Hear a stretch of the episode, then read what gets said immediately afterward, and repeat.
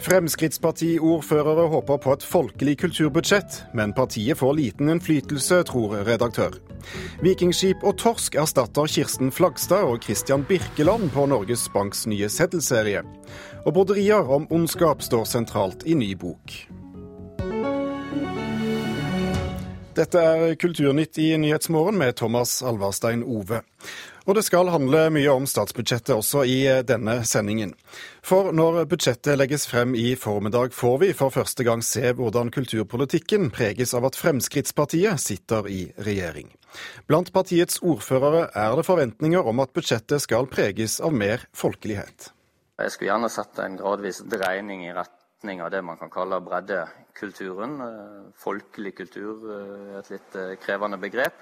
Eh, og i tillegg at man da forutsatte at eh, hovedtildelingene skulle gå til barn og unge. Når statsbudsjettet legges frem i dag, har Fremskrittspartiet for første gang vært med på å bestemme hvor mye av pengesekken som skal gå til kultur. Blant partiets ordførere er det forventninger om at det rykende ferske budsjettet vil være preget av folkelighet og støtte til frivillighet i kulturlivet. For FrPs ordfører i Os i Hordaland, Terje Søviknes, er det også viktig at kommuner og fylkeskommuner får mer makt over kulturmidlene. Mye av eh, kulturbudsjettet i dag blir jo styrt fra Oslo, fra statlig hold, og relativt lite blir eh, opp til lokale myndigheter. NRK har snakka med flere av FrPs ordførere rundt om i landet om hva de forventer av partiet sitt på kulturfronten.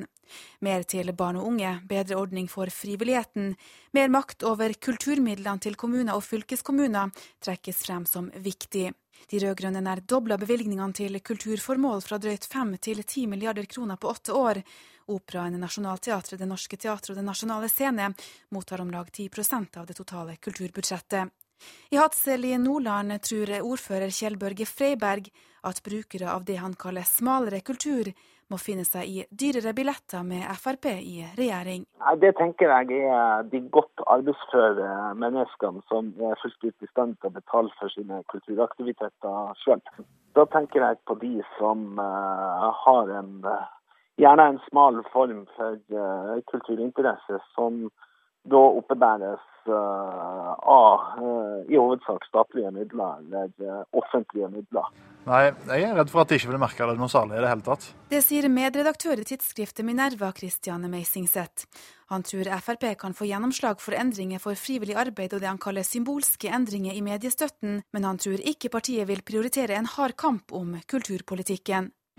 Det er jo liksom, fristende å spekulere i at noe av årsaken er at uh, kulturlivet egentlig ikke er så veldig viktig. Så man gidder ikke å ta liksom, de, de, vanskelige fightene.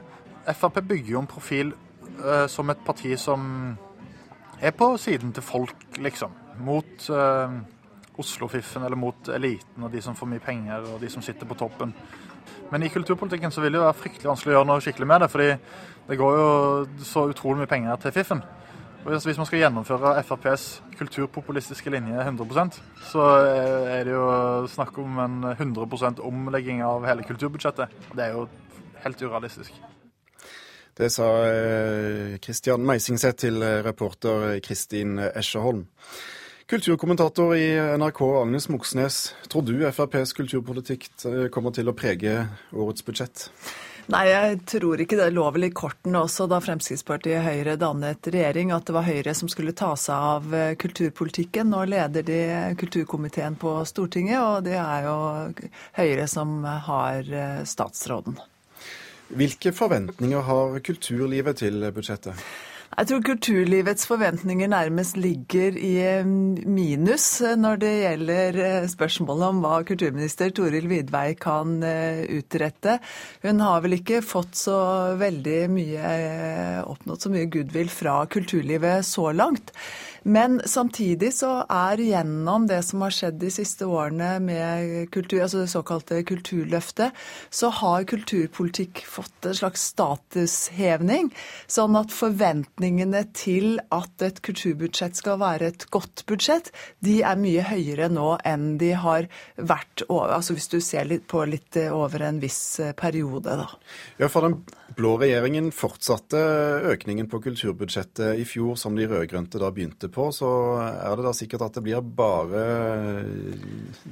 Nei da, så det kan jo bli en gladdag for kulturlivet som får mye mer enn det de hadde fryktet. Og, og det er jo det som er spennende i dag, det er jo å se eh, om Toril Vidvei har et gjennomslag i eh, sin regjering. Eh, om hun har et godt forhold til Vi vet at hun har et godt forhold til Erna Solberg, men om hun også har et godt forhold til Siv Jensen. Det får dagen vite.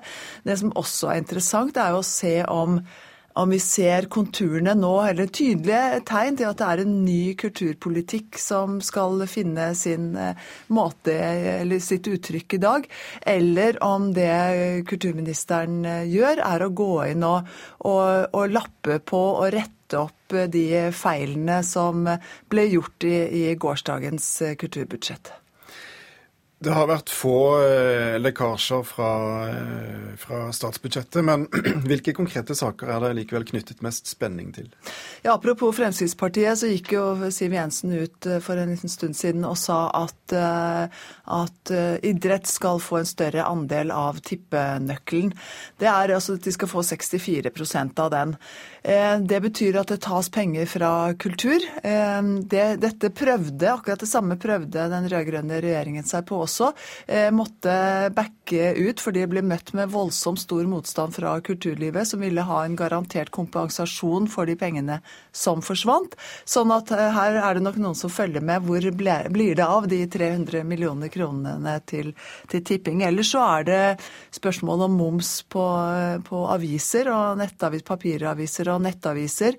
Eh, det ligger vel i kortene at det skal bli en såkalt plattformnøytral moms, altså 8% både både til nettaviser og papiraviser. Men der er det en kraftig opposisjon på Stortinget som driver og samler seg. Det skal jo få, få støtte fra alle, her, altså Kristelig Folkeparti og Venstre også, hvis man skal få til dette kulturbudsjettet. Ja, For det er en mindretallsregjering? Blir det, det hard kamp i, i stortingskorridorene? Ja, det kan det godt bli. Og, og både Venstre og Kristelig Folkeparti viste muskler ved det forrige budsjettet fra Toril Vidvei, så det kan vi nok få sett igjen. Og så er det jo da, som vi her på huset og mange andre også er interessert i, er jo hva som skjer med NRK-lisensen. Om den går opp, noe de aller fleste betviler. Om den blir liggende på stedet hvil, eller om den, om den, faller. Og hvis den faller, så vil det være et håndslag til eh, Fremskrittspartiet. Men så langt så går vel uh, tipsene ut på at det blir sånn noenlunde sånn som det er nå. Vi får se. Tusen takk skal du ha, kulturkommentator Agnes Moxnes. Noen av de som er eh, mest spent på hva som eh, kommer eh, klokken ti i dag, er kanskje musikere i Trøndelag. For en forutsetning for at Rock City i Namsos skal overleve, er at de får penger på statsbudsjettet i dag. Styreleder og eier av det nasjonale ressurssenteret for pop og rock er svært spent, men håper på det beste. Kan du prøve siste refrenget en tur? En, to, tre. Jeg vil ut, jeg vil frem. Jeg vil dit hvor drømmen tok meg med en gang. Inne i platestudioet på Rock City går drømmer i oppfyllelse. Men for det nasjonale ressurssenteret for pop og rock er det langt igjen til drømmer blir virkelig. Senteret er helt avhengig av at rikspolitikerne gir dem en sjanse til og derfor er det knytta stor spenning til dagens statsbudsjett. Hvis vi ikke får penger fra staten, så er det ikke grunnlag for å drive Rock City lenger, sånn som vi ser det. Det sier styreleder i Rock City, Gunnar Robert Sælegg. Så er det jo en viss fare for at det skjer. Eh, det er en ny regjering som kommer på plass. Eh, det skal legges et nytt kulturbudsjett, så det er absolutt en mulighet at det skjer. For nok en gang kjemper Rock City om livets rett tross sin unge alder. Jeg ønsker Namsos lykke til videre med rocken, og med dette erklærer jeg Rock City og vi kan også Det nasjonale ressurssenteret for pop og rock ble åpna i 2011 av daværende kulturminister Anniken Huitfeldt. Økonomisk rot, millionunderskudd, over halvering av staben og personalkonflikt har prega Rock City. Hei. I dag er Namsos kommune eneeier av det kritiserte senteret. Og ordfører Morten Stene er forventningsfull. Det er en eh, spennende dag. Den 8.10. har vi venta på lenge. Fordi at eh, vi er avhengig av et eh, positivt statsbudsjett. Fordi 60% av driftsgrunnlaget til Rock City kommer fra staten. Og budsjettet er på totalt 10 millioner kroner. Tanken på at pengene ikke trenger å komme, er skremmende, ifølge ordføreren. Eh, Det er klart at det setter oss jo i en veldig vanskelig situasjon. Og, og framtida til Rock City da, det, det er vanskelig å spå om. Så hvis de pengene ikke kommer over statsbudsjettet, så er det kroken på døra for Rock City? Nei, Det kan jo ikke jeg sitte og si akkurat nå, men eh, jeg ser ikke noen annen eh, mulighet akkurat, eh, akkurat da. Og styreleder Sælegg har fått signaler som kan tolkes i negativ retning. Som jeg har oppfattet det, så har det i hvert fall vært noen signaler om at ny regjering kanskje vil kutte på kulturbudsjettet. Og da er det ikke gitt at alle som fikk støtte i fjor, vil få støtte i år. Altså, Rock City har gjort mye bra, og så har den ikke kommet så langt som vi i styret skulle ønske man hadde kommet. Det er helt riktig. Men vi forventer at vi får støtte videre. Det gjør vi. Da prøver vi fra den samme plassen som vi har prøvd til stikket. I platestudioet får unge musikere prøve seg. Rock City skulle bli et ressurssenter for pop og rock, men har ennå ikke klart å oppfylle de statlige kravene. Ordføreren håper pengene kommer i dag, og at de kan begynne å se framover. Ja, da skal vi jo utvikle Rock City videre. Og eh, det har jeg jo tro på at vi får til. Sa en optimistisk ordfører i Namsos, Morten Stene, til reporter Kaja Kristin Næss.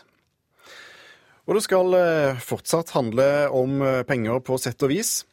En torsk, et vikingskip og en redningsskøyte skal nemlig pryde Norges nye pengesedler. I går ble vinnermotivene for de nye, den nye seddelserien fra Norges Bank kåret. Dermed må du snart vinke farvel til kjente og kjære motiver som Sigrid Undset, Edvard Munch og Kirsten Flagstad.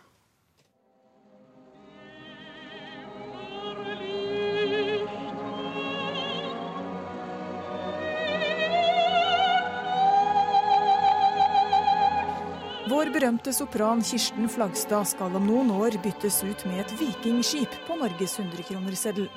Det ble klart da Norges Bank kåret vinnermotivene for den nye seddelserien i går kveld.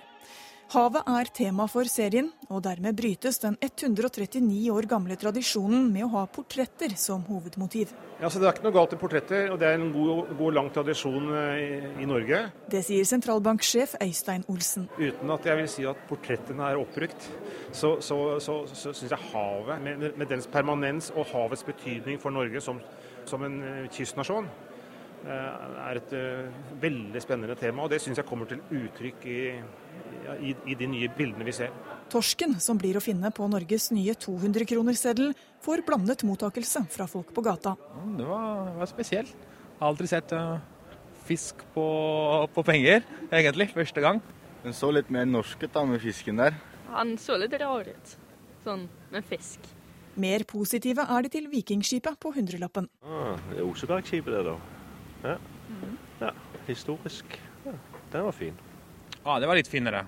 Det er mer norsk, ikke sant, med vikingskipet og alt. På forsiden av 50-lappen kommer det et fyr. På 500-lappen en redningsskøyte, mens 1000-lappen får en bølge som motiv. Alle er laget av det norske selskapet The Metric System, og designer og partner Are Kleivan sier det er moro å ha vunnet oppdraget i konkurranse med sju andre finalister. Men det er også en, eh, det er jo en stor grad av eh, litt ærefrykt eh, i det også. Eh, Det er jo en, Sedlene våre er noe som eh, berører hele, hele landet og alle som bor her. Og, eh, og da har det jo vært et poeng for oss å, å lage en seddelserie som også eh, ja, som er sympatisk, om du vil, eh, inkluderende og, eh, og ukontroversiell. da. Men The Metric System får bare lage forsiden. Norges Bank har nemlig bestemt at baksiden skal ha et annet og mer moderne uttrykk. Den konkurransen vant Snøhetta Design med sine pikselmotiver. Daglig leder Martin Gran er svært fornøyd. For oss eh, betyr jo det at det er en eh, fantastisk anledning til å jobbe sammen med en eh, viktig samfunnsaktør. Og ikke minst at vi får delta i ytterligere samfunnsprosjekter som i hvert fall dette prosjektet alle har en relasjon til. Ja, det ser jo litt mer eh, kjent ut da enn de ansiktene som man ikke vet hvem er helt. Ja, jeg visste jo egentlig aldri hvem de folkene var, så det er jo fint med sånne ting som jeg kjenner igjen. De folkene kommer riktignok til å holde stand en stund til. For først fra 2017 kommer den første nye seddelen i sirkulasjon.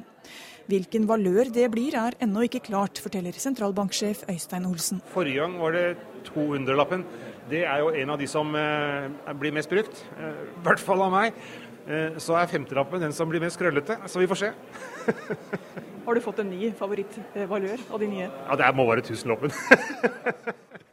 Ja, og Sentralbanksjef Øystein Olsen lover i hvert fall at de nye sedlene skal bli nærmest umulige å kopiere. Reporter hos eh, Norges Bank, det var Une Marvik Hagen. Du hører på eh, Kulturnytt i uh, Nyhetsmorgen i NRK P2 og Alltid nyheter. Klokken den har blitt 18 minutter over åtte. De viktigste overskriftene nå. Siv Jensen vil endre handlingsregelen. I dag legger hun frem sitt første statsbudsjett. Arbeiderpartiet mest tilbake på ny måling, men ligger fortsatt godt over valgresultatet i fjor. Helsedirektoratet ber flere norske helsearbeidere om å melde seg frivillig til kampen mot ebola i Vest-Afrika. Thomas Espedal er en av de mest markante når det kommer til selvbiografisk romanskriving her i landet. Nå kommer romanen 'Mitt privatliv'. Boken er rikt illustrert med private bilder med tilhørende tekst. Og kritiker Marta Norheim, hva slags bok er dette blitt egentlig? Ja, Det er et godt spørsmål. Han kaller det roman, og romanen er jo en svært eh, smidig sjanger, så vi kan jo la han kalle han eh, det inntil videre iallfall. Det ligner jo litt på et privat album med noen kommentarer til du vet, album der de gjerne skriver en liten tekst under hvert bilde. Eh, for dette er altså private bilder. Det er bilder av barn, bilder av senger han har sovet i, bilder av skrivebord eh, mange forskjellige plasser. Det er bilder av eh, blomster, han er veldig glad i blomster. Så det er, det er bilder som ligner til forveksling på de en finner, eller kanskje fant i private album. Og det en da må liksom finne det romanaktige i, blir jo kommentarene. Og det er autentiske bilder, dette, fra hans oppvekst og privatliv? Ja, oppvekst er ikke det så mye av. Det er mer oppveksten til barna hans. Og det kan jo hende dette er en eh, megabløff, at dette er noen helt andre barn. Men, men, eh, det har jeg ingen grunn til å tro. Altså, jeg tror at dette er foto fra hans liv og, og hans skriverom rundt omkring der han har bodd.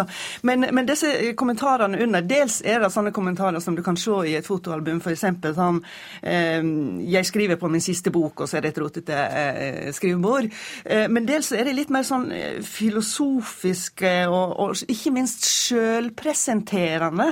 Altså han skriver sånn Vandreårene mine var over, jeg har aldri vært lykkeligere enn i de vanskelige årene på Askøy. Og ikke minst, jeg har ikke noe privatliv. Bøkene er mine brev. For Tidligere så har Espedal skilt mellom eh, det personlige og det private. Hvordan står det til med dette skillet nå? Jeg vet ikke hvor mye han har gjort det, men, men eh, det er jo vanlig å, å, gjøre det nettopp når en skal prøve å sortere litt i denne nokså eh, vanskelige sjangeren sjølbiografisk skjønnlitteratur. Eh, så har en sagt at eh, ja, dette er personlig, men det er ikke privat. Eh, det er jo veldig vanskelig å skille mellom personlig og privat hvis en virkelig skal gå inn i materien. Og det eh, Espedal gjør her, er å bare knuse hele den distinksjonen og si det fins ikke noe som, som, er privat. Her kan vi bare eh, kjøre på eh, med, med, alt eh, det som er. Og det som er interessant der, er jo at han, eh, han eh, Altså jeg tenker på, når Den forrige boka hans kom, som heter 'Bergeners', kom i fjor. Eh, da kalte jeg kritikken min for 'Kunsten å leve livet som kunst'. Og det er jo det han driver med. altså Hele livet hans er på en måte blitt et slags kunstprosjekt. Men Er det en vellykket bok dette da, for oss, oss lesere å ta tak i? Ja, altså det er nok, det er nok best eh, hvis en, eh, hvis en, kjenner forfatterskapet hans fra før, og der det veldig karakteristiske er at han, han gjør ting, han undersøker ting ved eh, handlinger, og så skriver han om det etterpå. Og her i denne boka ser vi noen av de tingene vi har lest om før, ser vi her bildelagt. Så dette er mer en sånn Eh, her er vi nå, og jeg håper at det, kanskje det kommer en slags knekk eller en slags overgang til en ny fase i forfatterskapet etter dette. Vi får se. Tusen takk skal du ha, Marta Norheim, for at du kom og snakket om eh, Thomas Espedals nye bok 'Mitt privatliv'. Twitter saksøker amerikanske myndigheter for brudd på ytringsfriheten. Det sosiale mediet ønsker å melde fra til sine brukere hver gang USA krever informasjon relatert til nasjonal sikkerhet, men får ikke lov til dette. Med søksmålet ønsker Twitter å tvinge myndighetene til åpenhet, melder BBC. Årets finale i Eurovision Song Contest i København kostet 334 millioner danske kroner å arrangere. Regningen for arrangementet ble fire ganger så stor som budsjettert. Det viser et notat fra det danske folketingets statsrevisor, skriver avisen Politikken. Budsjettoverskridelsene skyldes bl.a. at byggingen av arenaen for arrangementet ble langt dyrere enn planlagt. Har vårt forhold til ondskap endret seg etter 22.07? Det er spørs spørsmålet kunstner Lise Bjørne Linnert og Lars Fredrik Svendsen, filosof, stiller i en ny bok som har fått tittelen 'Cruelty Has a Human Heart'. Grusomheten har et menneskelig hjerte. Velkommen til Kulturnytt, begge to. Takk. Hvorfor er dette et betimelig spørsmål å, å stille om ondskapen, om vårt forhold til ondskap?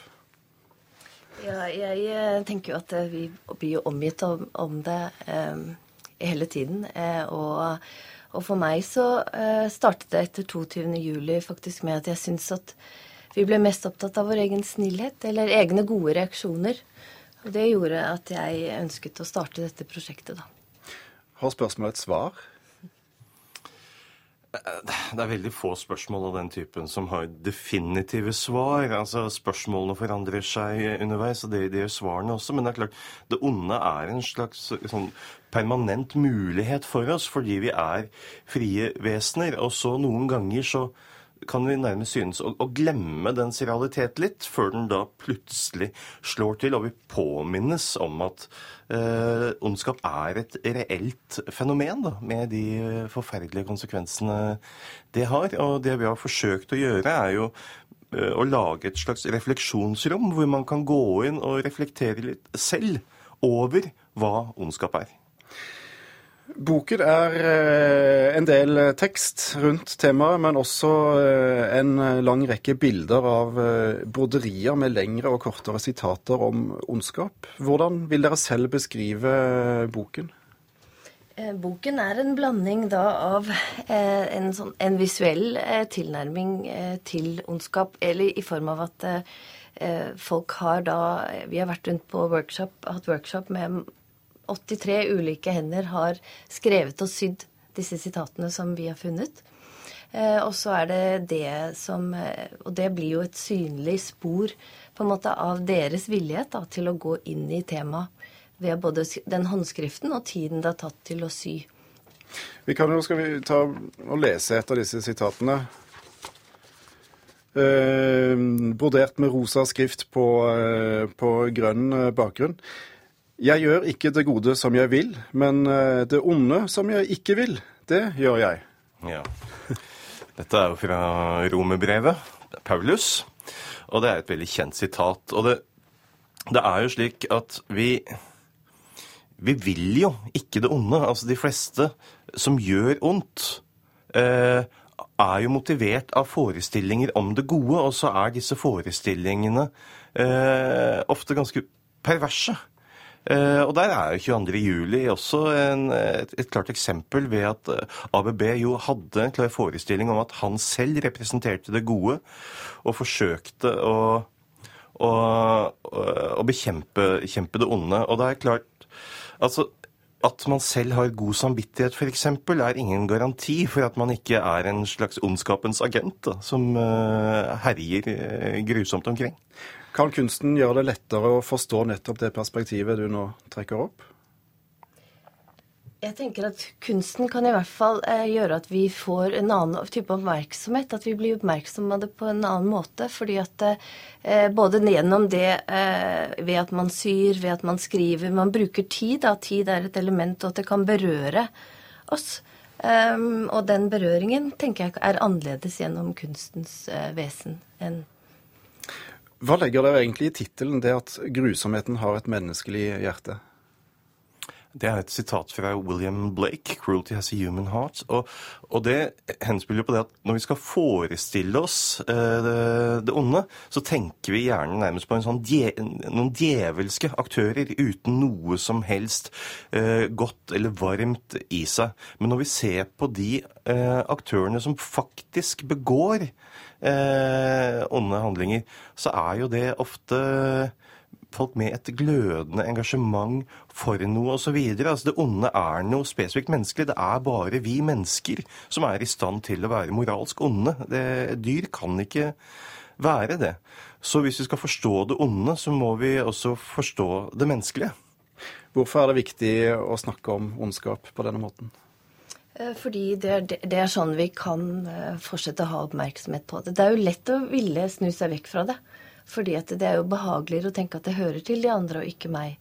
Men det jeg syns at det sitatet til Svetan Todorov på en måte har litt håp i seg. Det sier at uh, en som ikke ser noen likhet mellom seg selv og sin fiende, som tror at all ondskapen er i den andre og ingenting i ham selv, er tragisk bestemt til å ligne på sin fiende. Men en som ved å gjenkjenne det onde i seg selv, oppdager at han er som fienden, er virkelig forskjellig. Og vi får la det sitatet avslutte Kulturnytt denne morgenen. Tusen takk for at dere kom, Lise Bjørne Linnert, kunstner, og filosof Lars Fredrik Svendsen, som altså har kommet ut med boken 'Cruelty Has a Human Heart'. Denne sendingen var laget av produsent Halvor Haugen. Teknisk ansvarlig var Lars Tronsmoen, og her i studio satt Thomas Alverstein Ove.